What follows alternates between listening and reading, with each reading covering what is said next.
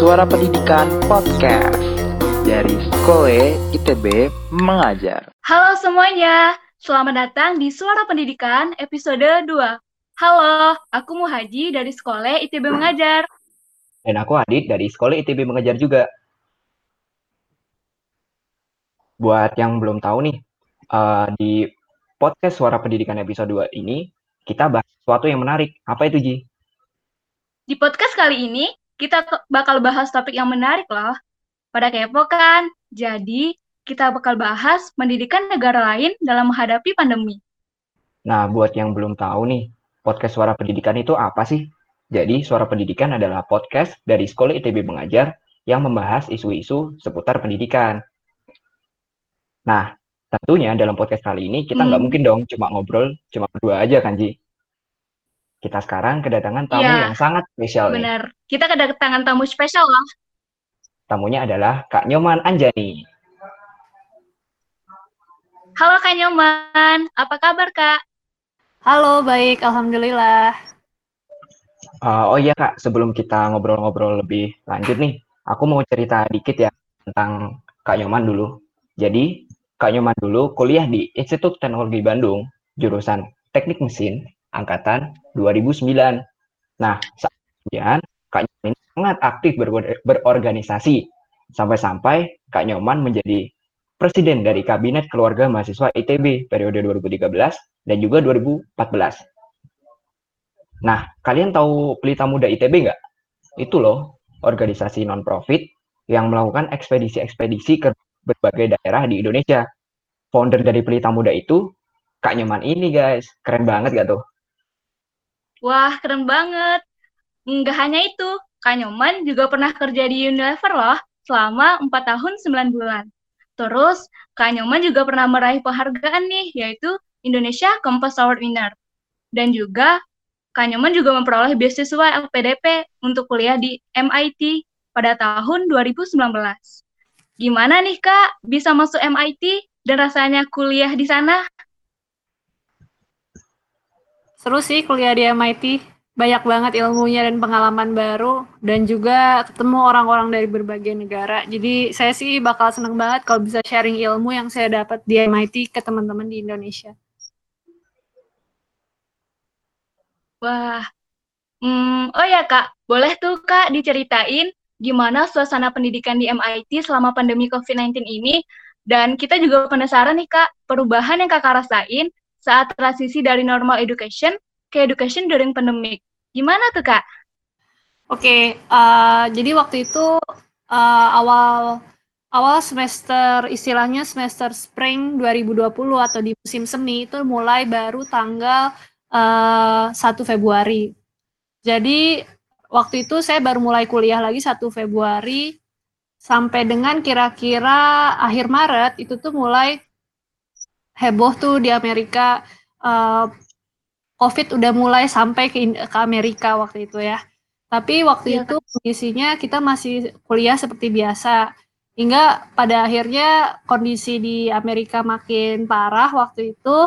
Uh, awal mulanya itu kebijakan yang dikeluarkan oleh kampus tuh adalah mengurangi jumlah mahasiswa yang ada di kampus. Karena MIT itu 60% mahasiswanya adalah mahasiswa uh, graduate student gitu ya. Maksudnya mahasiswa pasca sarjana gitu. Uh, jadi yang dikurangin lebih dulu adalah mahasiswa S1 karena mahasiswa S1 itu tinggalnya di asrama kalau di MIT itu Nah, uh, mereka semua disuruh pulang. Jadi nggak boleh lagi ada mahasiswa S1 yang tinggal di uh, uh, kampus housing istilahnya ya. Nah, ketika mereka disuruh pulang, um, mulailah uh, MIT mengeluarkan kebijakan kuliah harus online. Jadi setengah dari semester kita di spring ini, spring 2020, jadi mulai dari pertengahan Maret sampai dengan Mei, kita harus menjalankan kuliah uh, online. Nah, transisinya cukup berat menurut saya. Kenapa? Karena sebelum kuliah uh, daringnya dimulai, mahasiswa tuh harus meninggalkan kampus semua, sedangkan sekitar um, 50 persen, nggak, sekitar 40 persen mahasiswa MIT itu adalah international student.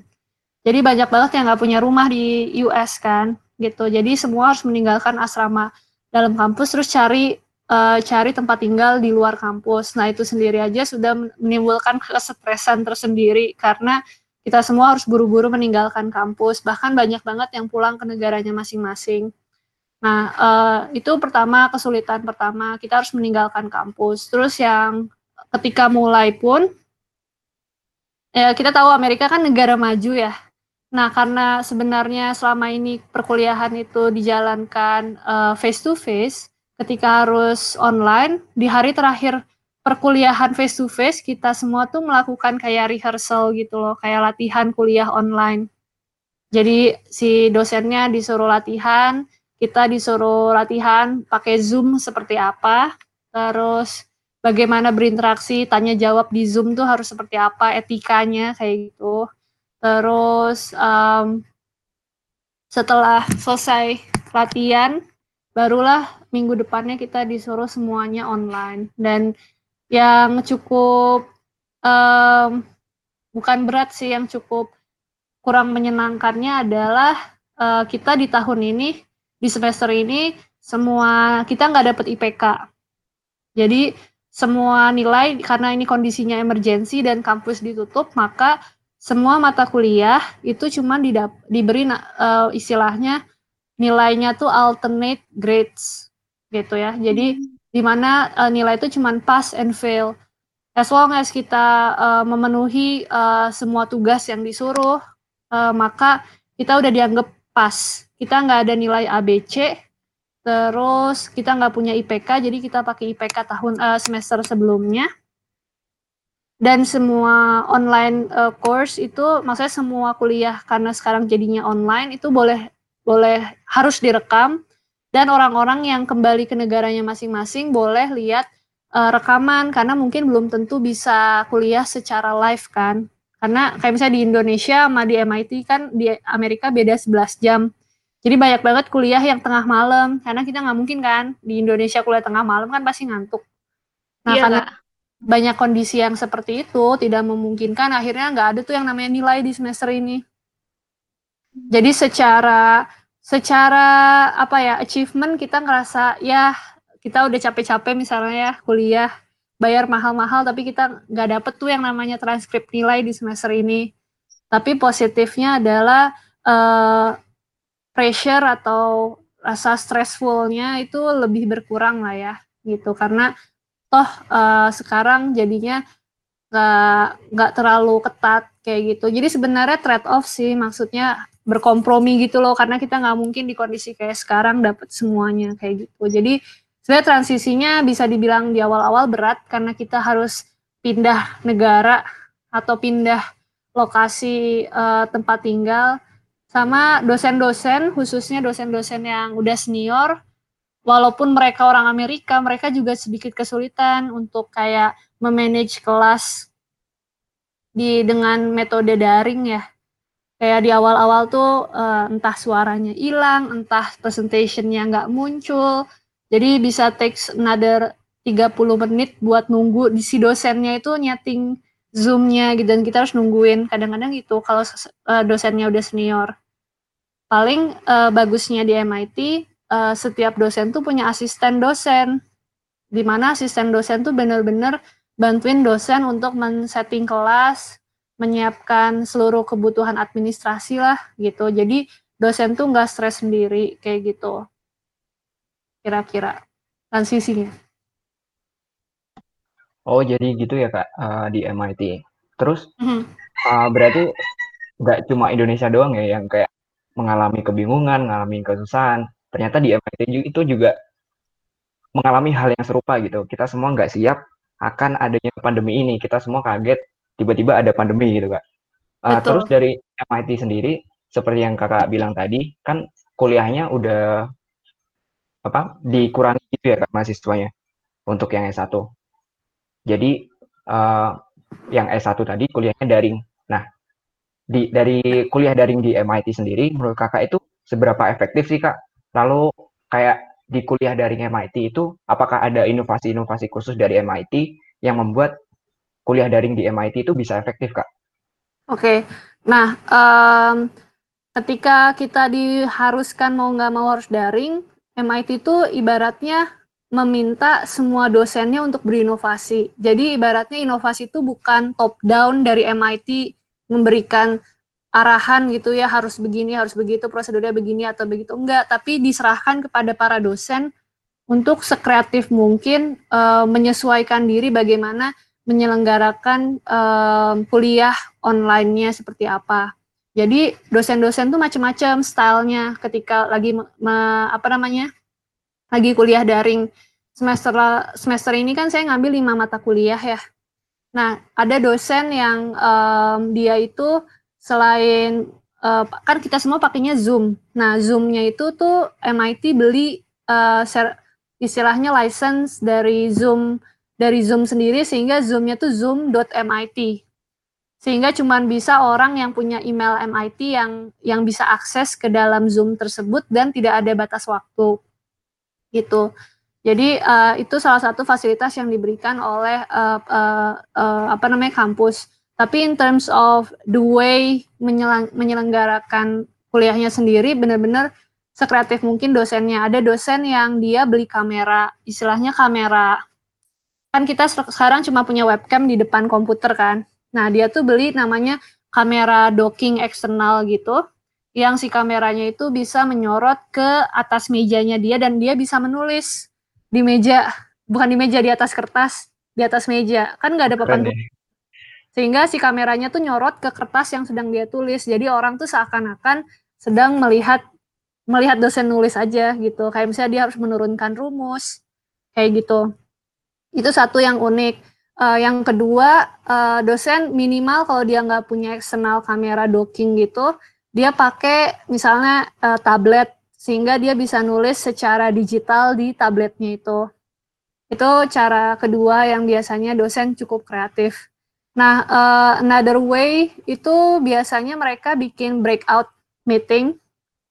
Jadi breakout room meeting. Jadi kita tuh biar kitanya nggak ngantuk, kita disuruh uh, harus masuk ke ruangan Zoom yang berbeda gitu buat kayak diskusi di kelompok-kelompok kecil kayak gitu. Terus video harus selalu nyala. Terus untuk uh, istilahnya itu um, kuliah yang memerlukan pekerjaan, maksudnya tugas yang dikerjakan dengan tangan ya, misalnya bikin suatu prototipe atau kayak gitu, atau misalnya anggaplah disuruh bikin lampu gitu misalnya. Nah, kita disuruh uh, bikin lampunya di rumah dengan bahan seadanya. Terus kita bikin rekaman misalnya 1 sampai 2 menit mendemokan prototipe yang kita buat. Nah, nanti ketika waktunya jam kuliah video rekaman kita di di apa diputar kayak gitu. Jadi udah pre-recorded gitu. Dan banyak banget kelas-kelas yang uh, banyak kalau di MIT itu banyak banget tugas kelompok kan tugas kelompok itu biasanya aslinya itu tuh harus presentasi di depan kelas gitu. Nah, akhirnya cara yang paling umum dipakai itu adalah uh, presentasi itu setiap tim harus pre-recorded dulu di Zoom, terus ketika jam kuliah diputar di kelas kayak gitu. Nah, uh, hanya itu yang bisa difasilitasi melalui media ini ya, media digital ya. Sisanya kayak kegiatan lab-lab kayak gitu selama pandemi ini terpaksa harus berhenti. Kalaupun ada uh, research yang sangat urgent ya, misalnya research mengenai kanker atau mengenai research-research yang mungkin inilah uh, sangat penting gitu ya di Amerika atau di MIT, tetap boleh ada researcher yang masuk ke lab tapi dengan akses terbatas. Itu aja sih pembedanya. Nah, kan udah ada inovasinya Kak dari dosennya yang sangat kreatif yang mendukung banget buat pembelajaran online ini. Dan bu, untuk uh, dari smart belajar para siswanya sendiri atau tenaga pendidik dan masyarakatnya, apakah semuanya berjalan dengan sinergis dan ideal, Kak? Kalau saya bilang ideal mungkin enggak juga ya sebenarnya. Karena bisa dibilang uh, dari sudut pandang mahasiswanya kita juga bosen ya cuman bisa ngelihat layar kan. Dan iya, Kak. bilang contoh nih ya ketika kita mulai online tuh kita dari tengah semester sampai akhir semester adalah dua bulan harus online. Itu tuh kelihatan banget antusiasme mahasiswa tuh sedikit menurun. Dari bentuknya adalah di awal kuliah online semua orang masih nyalain video kan? Gitu ya. Nah di akhir semester tuh paling yang nyalain video tinggal dari misalnya 50 orang sekelas nih. Nah di awal semester pas udah mulai daring tuh yang nyalain video misalnya 10 eh seluruh mahasiswa masih nyalain video. Nah di akhir semester tuh cuman 10 orang yang nyalain video. Padahal itu diwajibkan kan? Biar kita tuh bisa lihat muka satu sama lain, uh, dosen bisa melihat mukanya murid-muridnya kayak gitu. Jadi mungkin uh, karena kita sendiri udah jenuh gitu ngelihatnya. Terus berikutnya banyak banyak mahasiswa yang nggak bisa lihat video secara live juga, nggak bisa lihat kelasnya secara live kayak gitu. Kayak saya sendiri aja sempat pulang ke Indonesia itu um, karena jam yang tidak memungkinkan ngebuat saya jadinya harus uh, istilahnya asinkron ya. Jadi uh, ikut kuliahnya bukan di jamnya kuliah tapi di jam setelah saya udah bangun gitu. Nah kalau dari segi dosen sih uh, sebenarnya mungkin karena itu pekerjaan mereka, jadi mau nggak mau mereka harus bisa sedemikian rupa berusaha tetap menjalankan kewajibannya mengajar dengan sebaik mungkin uh, paling mereka banyak ngundang jadinya salah satu cara mereka meningkatkan animo mahasiswanya tetap join kuliah online tuh mereka ngundang dosen tamu juga. Karena sekarang ngundang dosen tamu jadinya mudah kan tinggal suruh join aja pakai zoom nggak nggak harus datang tatap muka kan gitu. Jadi dan orang cenderung orang kantoran sekarang lebih punya banyak waktu gitu. Jadi bisa diajak jadi dosen tamu gitu. Nah paling salah satu apa sih namanya drawbacks dari kondisi kayak gini banyak karena kuliah di MIT khususnya. Tuh mahal banget. Kuliah di top school di US tuh mahal banget sehingga banyak mahasiswa yang kayak semacam protes lah ya menggelar aksi protes gitu. Kayak membuat petisi ke fakultasnya atau ke rektoratnya untuk uang sekolahnya dikembaliin terutama jurusan-jurusan yang mahal contohnya kayak business school kayak gitu. Itu mereka kayak bikin petisi pengen dikembalikan uang uang sekolahnya karena mereka ngerasa ya sama aja ini kayak kuliah online ngapain gua harus bayar mahal kayak gitu. Tapi jawaban dari kampus uh, kampus MIT waktu itu bahwa uh, kita nggak bisa mengembalikan uang sekolah karena uang sekolah itu dipakai kayak subsidi silang gitu. Karena MIT juga sebenarnya banyak ngasih uh, semacam financial aid buat mahasiswa-mahasiswa yang nggak mampu. Dan untuk operasional sebenarnya udah kepake kayak misalnya mungkin gaji dosen, gaji karyawan kayak gitu. Terus yang bisa dikembalikan cuman uang istilahnya uang student activities. Jadi di di kita di MIT itu setiap semester mahasiswa harus bayar uang untuk kegiatan mahasiswa gitu. Nah karena kita nggak pakai lagi fasilitas di kampus, jadi uang kegiatan mahasiswa itu dikembaliin kayak gitu.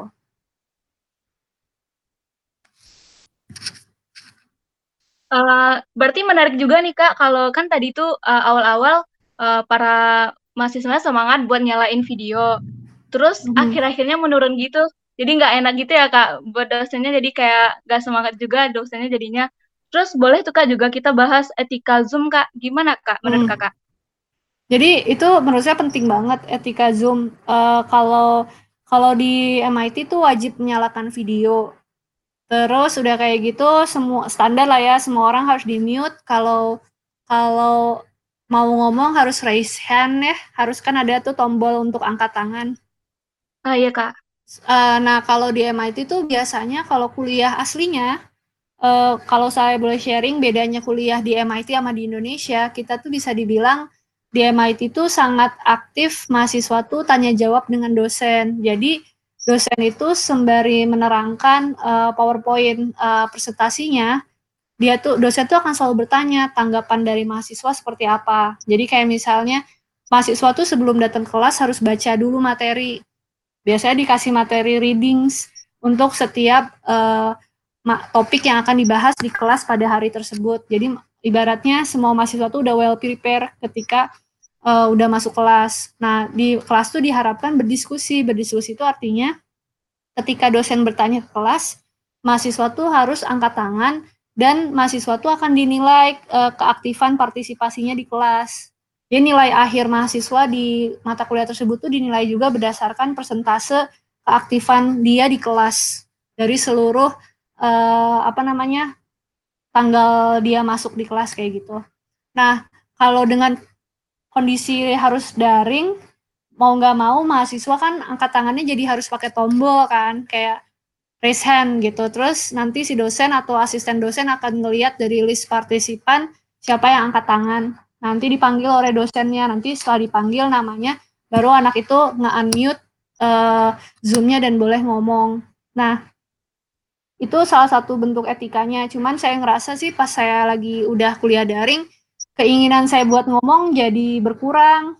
Kayak um, apa sih namanya kalau di kelas tuh ada sensasi kita rebutan pengen ngomong kayak gitu ya kalau aslinya ya kalau ketemu face to face nah sekarang karena juga semester ini nggak dapet nilai juga gitu ya nggak dapet nilai anyway gitu jadinya kayak keinginan untuk apa namanya angkat tangan jadi berkurang. Nah akhirnya si dosen tuh mensiasati dengan cara uh, istilah di MIT atau di Amerika tuh istilahnya cold calling. Cold calling itu adalah dosen akan memanggil secara random nama anak yang nggak pernah ngomong di kelas. Nah, untuk mencegah ketika daring kan orang udah semakin males kan buat ngomong. Akhirnya setiap H-1 pertemuan uh, kuliah, dosen tuh sama asistennya akan email sejumlah anak buat disuruh uh, ngomong ketika di kelas nanti gitu. Istilahnya warm call. Warm call tuh di email dulu sebelum mulai kuliah tapi kalau cold call tuh tiba-tiba banget di kelas langsung dipanggil. Nah jadi salah satu bentuk um, atur bukan aturan lah ya uh, inovasi lah ya kalau saya bilang itu uh, akhirnya dosen banyak harus nge-warm call atau nge-email dulu sebelum mulai kelas biar anak-anaknya tuh aktif ngomong ketika lagi kuliah daring kayak gitu.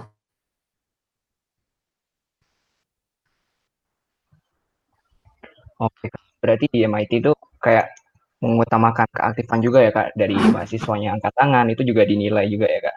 Terus inovasi-inovasi tadi uh, kayak memanggil mahasiswanya secara random buat ngomong di kelas itu menurutku juga kayak keren banget gitu kak. Kayak mm -hmm. mungkin uh, jarang gitu di Indonesia. Dan itu mungkin ya, kalau, bisa diterapkan di Indonesia. Benar kalau saya waktu S1 dulu di ITB uh, eh, dosen tuh kuliah dua jam nonstop kan dosennya ngomong. Terus paling uh, mahasiswa ditanya ada pertanyaan apa tidak itu di akhir di akhir kuliah kan. Itu terus mahasiswa bertanya di akhir kuliah. Nah kalau di Amerika tuh nggak kayak gitu budayanya. Jadi sejak dari dosen mengeluarkan kalimat pertama, mahasiswa tuh udah boleh angkat tangan kayak gitu untuk menyatakan pendapat, untuk bertanya, untuk memberikan uh, tanggapan lah ya seringnya kayak gitu. Oke. Jadi gitu ya kak. Terus mm -mm. Uh, kalau kan kemarin ada tuh kak keterangan pers dari Mendikbud terkait pendidikan di Indonesia di masa pandemi ini.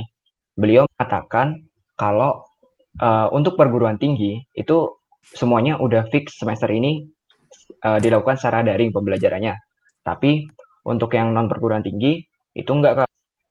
Hanya 6% dari keseluruhan satuan pendidikan di Indonesia itu yang boleh melakukan pembelajaran tatap muka, sedangkan 94% lainnya itu harus mau nggak mau itu harus kuliah kok, kok kuliah sih mau nggak mau harus melakukan pembelajaran jarak jauh mm-hmm. sedangkan mm-hmm. dari 94% itu nggak semuanya memiliki akses internet fasilitas mm-hmm. pendidikan untuk mengakses internet seperti laptop itu menurut kakak gimana? It, kalau menurut saya sih itu cukup berat ya untuk kasus di Indonesia apalagi um, apalagi satu secara fasilitas sudah jelas ya baik fasilitas internet, laptop, mungkin paling minimum sekarang ya pakai smartphone lah ya. Tapi tetap aja pakai smartphone itu kan kurang cukup uh, mendukung lah ya secara ukuran pun untuk membaca presentasi dari guru kayak gitu ya. Jadi secara um, kalau untuk kuliah daring sebesar itu persentasenya pasti banyak daerah yang belum bisa mumpuni untuk melaksanakan hal tersebut. Terus yang kedua dari segi kapasitas uh, gurunya untuk bisa menciptakan uh, metode belajar, metode mengajar yang efektif gitu ketika harus dengan daring. Karena apalagi kalau buat anak-anak. Kalau buat mahasiswa atau mahasiswa pasca sarjana bisa dibilang sudah cukup dewasa lah untuk bisa mengatur diri uh, dan me belajar dengan bertanggung jawab gitu ya. Mengerjakan tugas misalnya kayak gitu. Terus tetap belajar di rumah untuk membaca misalnya tapi kalau anak-anak kan harus di-trigger oleh gurunya nah kalau misalnya fasilitas uh, mengajar secara daringnya pun tidak ada bagaimana guru bisa membimbing si pelajar tersebut untuk bisa belajar secara efektif. Nah, yang ketiga adalah kalaupun guru tidak bisa mengajar secara efektif, biasanya kan diserahkan ke orang tuanya tuh. Nah, kondisinya adalah ada orang tua yang bisa ngajarin, ada orang tua yang nggak bisa ngajarin. Iya, benar tuh, Kak. Jadi, itu jadi challenge karena uh, ada orang tua yang mungkin uh, S1 lah kasarnya ya, S1 sehingga uh, minimal orang tuanya, ibunya atau ayahnya kan mungkin juga lagi WFH juga gitu ya. Mungkin bisa sembari ngajarin anaknya, tapi kalau misalnya orang tuanya uh, mungkin uh, tidak bisa membimbingin anaknya untuk mengerjakan pekerjaan sekolah yang dikasih oleh gurunya, itu akan menjadi challenge juga. Jadi menurut saya tuh harus dikajinya secara uh, holistik sih daerah mana yang fasilitasnya belum ada, nah itu harus dibenahin dulu. Terus dari segi um, harus ada bimbingan dari pemerintah bagaimana uh, si guru-guru itu diajarin bagaimana menggunakan fasilitas Zoom atau Google Classroom atau apa pun lah ya media yang disarankan oleh pemerintah dan dia di dikasih panduan juga lah ibaratnya untuk mengajar di kategori umur anak sekian, baiknya metodenya apa? Di umur pelajar sekian, metodenya seperti apa? Jangan disamaratakan gitu loh, kayak semua pelajar tuh kayak mahasiswa, karena beda gitu penanganannya kalau menurut saya ya, gitu tingkat kedewasaannya pun berbeda. Gitu untuk menanggapi banyaknya tugas yang dikasih oleh guru kayak gitu lah. Sama yang terakhir, panduan buat orang tua yang di rumah bagaimana bisa ngebimbingin anaknya mengerjakan pekerjaan pekerjaan dari sekolah kayak gitu. Nah, Oke, kan ya uh, terus ya Kak, kita emang tahu kalau kuliah daring ini emang susah banget, apalagi kan daerah-daerah yang susah dapat sinyal gitu. Jadi kayak lumayan memberatkan sih. Tapi mm -hmm. Kak, uh, ya Kak, terus kabar ini Indonesia kan hendak uh, berlakukan new normal juga nih kak. Terus atau berarti dalam pendidikannya juga mengalami new normal juga atau kita sebut juga bisa dengan revolusi pendidikan kak. Uh, sebenarnya hmm. Apa yang akan berubah sih dari sistem pendidikan setelah COVID ini selesai? Lalu pendidikan seperti apa sih yang perlu kita tekankan ke masyarakat kak? Oke, Um, kalau menurut saya sih, kalau dari segi perubahan yang akan terjadi sih, dari segi fasilitasnya sendiri bahwa bukan fasilitas sih metodenya ya istilahnya. Ke depannya tuh kuliah online atau belajar online tuh bakal sangat uh, mungkin lebih banyak dipakai lah ya, karena kita kan nggak pernah tahu nih pandeminya benar-benar berakhir sampai kapan kayak gitu. Jadi kuliah online itu, kuliah online maupun belajar online itu bakal mungkin menjadi metode yang lebih umum digunakan dibandingin uh, ketemu face to face mungkin dalam jangka waktu setahun sampai dua tahun ke depan.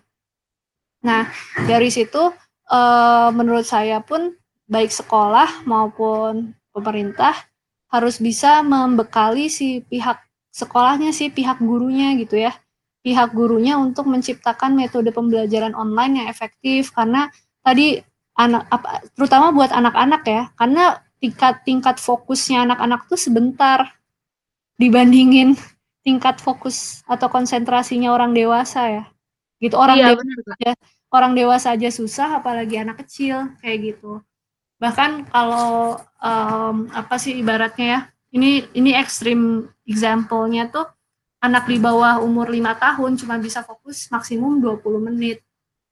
Kayak gitu mungkin akan seber, sebertambahnya umur akan terus bertambah tapi kalau anak kecil itu butuh penanganan khusus bagaimana bisa ngajarin tetap fokus dengan metode daring kayak gitu tetap semangat belajar nah menurut saya sih perubahan yang akan signifikan terjadi itu di metode belajar sama mengajar gitu. Dan dari segi uh, fasilitas pun sekarang berarti hmm, internet udah pasti harus bisa menjangkau semua ini ya semua daerah di Indonesia. Dan kalau memungkinkan pun bisa ada bantuan mungkin dari pemerintah yang biar pelajar tuh nggak cuman bisa dapat akses uh, istilahnya dari smartphone orang tuanya tapi bisa punya um, notebook lah ya. Laptop kecil yang mungkin itu dipinjemin dari sekolahnya mungkin ya. Karena di Amerika tuh SMA ada SMA SMA negeri lah istilahnya di Amerika yang itu tuh mendapatkan bantuan dari pemerintah berupa Chromebook semacam laptop. Kayak gitu yang dipinjemin ke siswanya gitu. Tapi ada baiknya si Chromebook atau laptop itu tuh sudah didesain hanya untuk bisa diakses untuk belajar mengajar, bukan untuk internetan lah ibaratnya. Jadi mau nggak mau uh, harus ada juga sih fasilitas bantuan seperti itu. Kalau misalnya nggak ada uh, revolusi ke arah sana sih akan ada ketimpangan ya antara kota besar sama daerah-daerah kayak gitu. Nah berikutnya pun solusi yang menurut saya cukup relevan tuh adalah ini digunakan di MIT. Jadi MIT itu uh, membuat kajian selama pandemi ini bagaimana menyelenggarakan kegiatan belajar mengajar selama masa pandemi ini mulai dari September nanti. Jadi adanya pembagian uh, karena harus ada social distancing gitu. Jadi ibaratnya harus dikurangin kan jumlah mahasiswa yang ada di kampus. Nah, dengan cara apa? Pembagian siapa aja yang boleh ada di kampus misalnya uh, semester depan September sampai Desember yang boleh ada di kampus hanya tingkat satu sama tingkat dua. Tingkat satu sama tingkat dua di mana kurikulumnya mungkin dipadatkan. Nanti uh, semester Januari sampai April misalnya Januari sampai April tingkat 3 sama tingkat 4 boleh masuk. Jadi kayak bergantian gitu sistemnya. Jadi agar mengurangi sekitar 50% dari total populasi. Jadi di uh, mahasiswa yang masuk ke kampus itu dibagi berdasarkan uh, tingkatan tingkatan tahun keberapa dia. Jadi ganti-gantian kayak gitu. Itu salah satu cara juga sih yang mungkin bisa jadi perubahan selama pandemi ini. Karena aim-nya adalah mengurangi populasi yang ada di dalam kampus. Oh gitu ya kak. Dan uh, uh, udah pasti juga kalau kayak gitu kurikulumnya juga harus dirombak. Bagaimana bisa mengakomodir uh, mahasiswa uh, yang kuliah in person, in person to face to face um, selama lagi kuliah di semester tersebut gitu. Oke, berarti kayak ada sistem shifting gitu ya kak, siapa yang masuk semester ini, siapa yang kuliah daring gitu. Iya kak, benar Betul. gitu kak. Iya benar. Nah, kalau di Indonesia sendiri sih dari enam persen yang boleh tatap muka tadi kak itu tetap kayak ada aturan yang cukup ketat gitu loh kak. Jadi setiap kelasnya itu hanya diperbolehkan ada 18 orang kalau nggak salah. Jadi setengah dari kelasnya boleh masuk. Jadi hmm. tetap ada kayak mungkin ada shifting sekolah pagi ada yang sekolahnya sore gitu kak kalau yeah. di Indonesia. Berarti hampir serupa ya sebenarnya. Iya jadi serupa tapi untuk pembelajaran online-nya tadi mungkin masih menjadi tantangan besar ya kak, terutama bagi anak-anak SD, TK, kan mereka kayak tiba-tiba ngelihat laptop, ngelihat guru jelasin itu kayak gimana gitu kak, fokusnya mudah teralihkan ke hal-hal lain, terutama di rumah ada mainan dan segala macem. Itu Betul. jadi PR tersendiri, jadi juga menjadi tantangan bagi orang tua untuk mendidik anaknya sendiri gitu kak. Iya, benar. Terus uh, kembali ke perguruan tinggi nih kak, menurut kakak uh, kan ini ada edaran nih kak di ITB, kalau setiap dosen itu dihimbau untuk mempersiapkan kayak jenis video pembelajaran gitu kak dalam bentuk video. Jadi dosennya itu seolah-olah sedang menjelaskan di kelas. Terus nanti videonya hmm. mungkin akan disebarkan ke mahasiswanya. Menurut kakak metode itu seperti apa kak? Kalau menurut saya sih akan ini pandangan saya aja ya akan kurang efektif gitu. Karena seakan-akan lagi kuliah online kan. Lagi-lagi yang tadi menjadi challenge adalah apakah mahasiswa tetap bisa fokus apa enggak.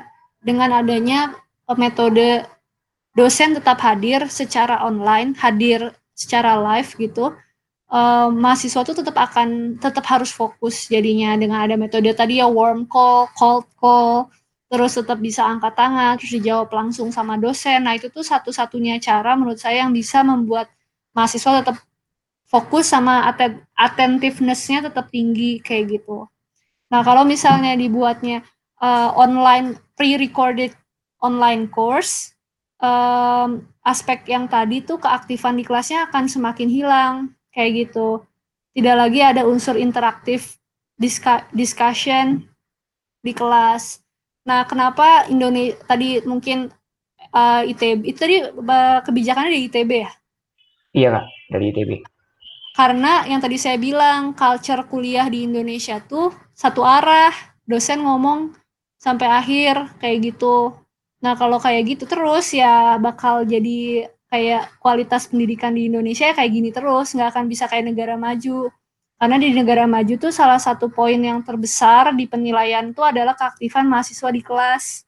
Gitu. Nah, kenapa Indonesia tadi ITB aja menyarankan di pre-recorded terus karena itu adalah culture dari zaman dulu kita tuh kuliah cuma satu arah dosen nerangin mahasiswa ngedengerin dan mencatat nah jadi itu adalah culture yang mestinya direview lagi sih sama para petinggi di ITB misalnya ya kalau kita mau bisa lebih maju lagi dari segi budaya belajar mengajarnya bisa biar seperti negara-negara maju atau top school yang ada di negara di negara lain. Mestinya adalah bagaimana uh, kuliah daring pun tetap interaktif kayak gitu. Itu sih yang mestinya malah diajarin, yang mestinya terus diperjuangkan tuh bagaimana perkuliahan itu tetap interaktif, mahasiswa tetap bisa berkomunikasi dengan dosennya, tanya jawab, bertukar pikiran, mahasiswa tetap bisa berdiskusi sama teman-temannya gitu lewat breakout room ya kalau di Zoom gitu. Jadi dosen memberikan suatu topik untuk didiskusikan selama tujuh menit kayak gitu. Uh, mahasiswanya dibagi menjadi tim empat orang empat orang untuk brainstorming di dalam breakout room di Zoom misalnya kayak gitu. Nah hal-hal kayak gitu sih yang menurut saya harusnya diusahakan kayak gitu bukannya malah disuruh pre-recorded online course. Kalau gitu ngapain saya kuliah di ITB, mending saya kuliah online aja gitu kan. Oke, berarti kayak inovasi yang kayak seperti kakak sebutkan tadi, kayak dosen tiba-tiba manggil, itu merupakan kayak salah satu cara untuk merubah kebiasaan kurang baik mahasiswa ataupun anak-anak uh, di Indonesia ya kak? Iya, jadi Terutama, lebih arah meningkatkan kemampuan si mahasiswanya juga untuk mengeluarkan, menyatakan pendapat, memberikan tanggapan, mengecek. Dosen juga jadi tahu apakah mahasiswa tuh datang ke kelas udah full prepared apa belum, kayak gitu. Karena di Indonesia nggak dibiasain kan, kayak kuliah sebelum masuk kuliah kita udah baca materi, nggak ada yeah. kebiasaan gitu kan. Nah kalau yeah. di Amerika tuh eh, sebelum masuk kelas tuh mahasiswa tuh udah harus baca um, bahan bacaan yang dikasih tahu sama dosen. Nah, dosen tuh juga setiap awal semester sebelum kelas dimulai, dosen tuh akan mengeluarkan silabus istilahnya ya. Silabus itu adalah topik pembahasan setiap pertemuan, setiap jadwal pertemuan dan materi bacaan atau pre-readings ya yang harus dibaca sebelum masuk kuliah, sebelum datang ke kelas kayak gitu. Itu yang salah satu hal yang beda banget antara sistem pendidikan di Indonesia sama di Amerika kayak gitu. Oh, berarti di Amerika sana itu udah benar-benar jadi budaya ya kak kayak dikasih silabus dulu, dikasih uh, bacaan dulu biar mahasiswanya itu uh, masuk ke kelas dengan maksudnya masuk ke kelas kepalanya itu nggak kosong gitu ya kak kasarannya. Betul, jadi udah betul. ada banyak pertanyaan jadi siap mau belajar apa itu mereka tahu apa yang mau ditanyain. Gitu ya kak? Betul. Betul. Dan budaya tanya jawab tuh adalah budaya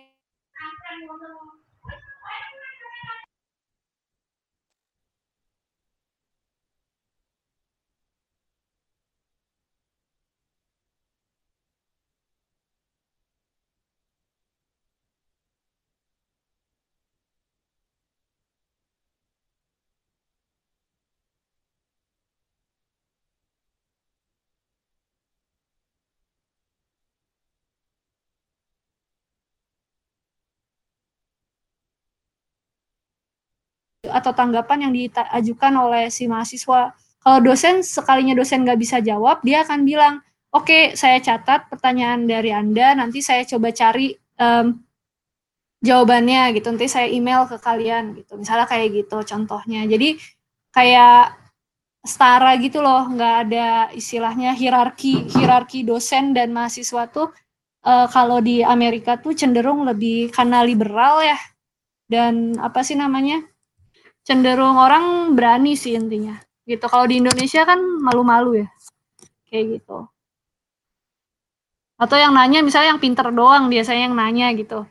Nah kalau di Amerika tuh orang bertanya dengan pertanyaan yang sepele pun nggak jadi masalah gitu loh. Kalau di kita kan cenderung, oke okay, kalau gue mau nanya gue harus kasih pertanyaan yang bagus kayak gitu kan. Nah kalau di Amerika tuh orang bertanya bahkan pertanyaan yang sangat simpel sekalipun nggak masalah.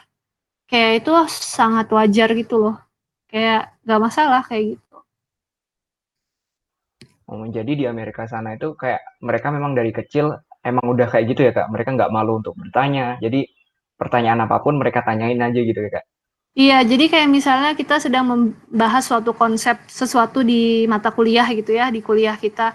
Nah, kadang mahasiswa tuh bertanya hal yang sangat simpel tentang topik tersebut, uh, nggak segan gitu. Mahasiswa tuh tidak takut untuk bertanya hal yang simpel dan dosen pun tidak enggan untuk menjawab. Dan juga mahasiswa uh, juga pun kadang-kadang angkat tangan tuh bukan untuk bertanya tapi untuk memberikan tanggapan. Uh, either memberikan tanggapan berupa pengalaman dia di ketika uh, yang pernah dia alami ataupun memberikan tanggapan uh, setuju apa enggak setuju tentang pandangan dosen tersebut. Jadi kayak nggak ada tuh istilahnya malu atau takut bertanya tuh nggak ada. Dan dosen tuh sangat welcome menerima pertanyaan atau tanggapan dari dari mahasiswa. Jadi menurut saya uh, makanya saya bilang saya nggak setuju kalau kuliah dosen tuh malah disuruh pre-recorded online course. Karena akan hilang unsur interaksi antara mahasiswa sama dosen gitu. Tapi lagi-lagi itu terkait berhubungan sama culture di Indonesia. Di Indonesia tuh culture belajar mengajar tuh nggak tidak biasa dua arah gitu. Lebih cenderung satu arah. Itu yang saya alami selama saya empat setengah tahun kuliah di ITB kayak gitu. Oke kak, berarti untuk merubah kebiasaan atau culture di Indonesia yang kayak gini tuh mungkin perlu waktu yang lumayan lama ya kak. Soalnya selain tenaga pendidiknya, uh, siswa-siswanya pun dari anak-anak juga harus dibiasakan untuk tanya gitu kan. Iya benar. Gimana? Kalau menurut saya sih bisa dimulai dari dosen-dosennya dulu yang membiasakan mahasiswanya untuk bertanya gitu. Karena kan pada dasarnya orang Indonesia itu pemalu ya. Gitu. Nah, jadi uh, dimulai dulu dari dosennya yang mancing mahasiswanya untuk bertanya, untuk berdiskusi di kelas kayak gitu. Dan juga dari tadi yang saya bilang dosen tuh di awal semester ngasih silabus, ngasih silabus di mana di silabus itu sudah clear uh, clear setiap tanggal pertemuan kuliah itu apa materi yang akan dibahas, uh, terus materi reading materialsnya apa yang harus dibaca, bahkan PR topik PR-nya pun sudah dikasih tahu gitu. Topik PR ya, bukan soal PR ya, hmm. tapi topik PR-nya. Gitu. Jadi si mahasiswa tuh sudah tahu dia harus bakal dapat PR kapan. Terus deadline pengumpulan PR itu di tanggal berapa aja. Jadi selama satu semester tuh mahasiswa sudah bisa membayangkan uh, load kuliah dia seperti apa. Kayak gitu, kesibukan kuliah dia di satu mata kuliah seperti apa dan dengan mahasiswa sudah datang ke kelas dengan kondisi uh, fully prepared gitu, udah membaca reading materials, diskusi itu bisa terjadi di kelas. Kalau di Indonesia karena kita ke kelas tuh nggak baca dulu, nggak baca mata, nggak baca bahan kuliah, uh, that's why kita nggak mahasiswa nggak bisa berdiskusi karena otomatis dosen yang lebih pinter kan, gitu. Jadi um, ibaratnya mahasiswa yang ada cuma ngedengerin gitu. Kalau di Amerika tuh uh, cenderung mahasiswa sama dosen saling berdiskusi di kelas, uh, saling memberikan tanggapan. Dosen tuh mengarahkan gitu loh, uh, mengarahkan seakan-akan kayak moderator dosen tuh. dan mengajarkan framework berpikir gitu. Karena sebenarnya secara teori itu udah uh, dikasih tahu di bahan bacaan gitu. Dan kebanyakan juga bahan nah, Kak. itu berupa uh, case study gitu, case study di industri kayak gitu. Uh, nah kak, tadi kan kakak juga, juga singgung dikit nih tentang bahwa orang Indonesia itu pemalu. Uh, tips singkat dari kakak apa sih uh, biar orang Indonesia itu nggak pemalu kayak kayak orang Amerika nggak malu bertanya atau segala macam. Gimana kak? Kalau saran saya sih pertama harus sering baca dulu. Karena dengan kita anak Indonesia sering baca, otomatis banyak pengetahuan kan, wawasannya luas. Nah, ketika kita punya wawasan yang luas, cenderung kita tuh lebih berani untuk uh, mengungkapkan, mestinya lebih berani untuk mengungkapkan pendapat karena kita punya basis dari apa yang kita omongkan gitu. Jadi kita meng, uh, ngomong tuh punya dasarnya gitu ya, punya dasar ilmiahnya lah istilahnya ya. Gitu. Jadi pertama itu modalnya harus punya wawasan yang luas dulu, harus uh, suka baca. Nah, yang kedua tuh rasa malu itu kan datangnya dari hati ya karena kita atau hati atau pikiran kita karena kita takut ngerasa salah takut dianggap pertanyaan kita pertanyaan yang bodoh atau pertanyaan sepele nah hilangkan rasa itu nah kalau di di Amerika tuh istilahnya orang tuh kasar ya udah talk aktif nggak tahu malu nah ibaratnya kayak gitu jadi nggak ada tuh istilahnya orang tuh malu bertanya karena takutnya pertanyaan itu pertanyaan bodoh. Nah itu tuh mindset itu tuh udah di mereka tuh udah nggak ada dari kecil ibaratnya. Nah kalau kita tuh memang culture-nya tuh dibikin nggak tahu sih kenapa ya, cuman kita mungkin ada selalu sering banget ada pikiran kita takut uh, omongan kita salah atau misalnya um, pertanyaan kita terlalu sepele atau tidak terdengar cerdas gitu pertanyaan nah, yang kayak gitu-gitu tuh harus dihilangin dari diri kita ya sendiri. Nah kalau once kita udah bisa menghilangkan perasaan atau paradigma itu dari otak kita sendiri, mestinya ada sih keberanian buat angkat tangan dan berbicara kayak gitu. Karena sebenarnya pada dasarnya ketika kita memberanikan diri untuk berbicara dan men-sharing uh, apa yang ada di kepala kita tuh kita sudah sebenarnya lagi menyebarkan ilmu yang baru juga buat teman-teman kita dan juga men-trigger teman-teman kita yang lain buat ngomong kayak gitu. Uh, berarti semoga aja kita bisa nerapin yang saran kayak kakak tadi yang hilangin rasa malu.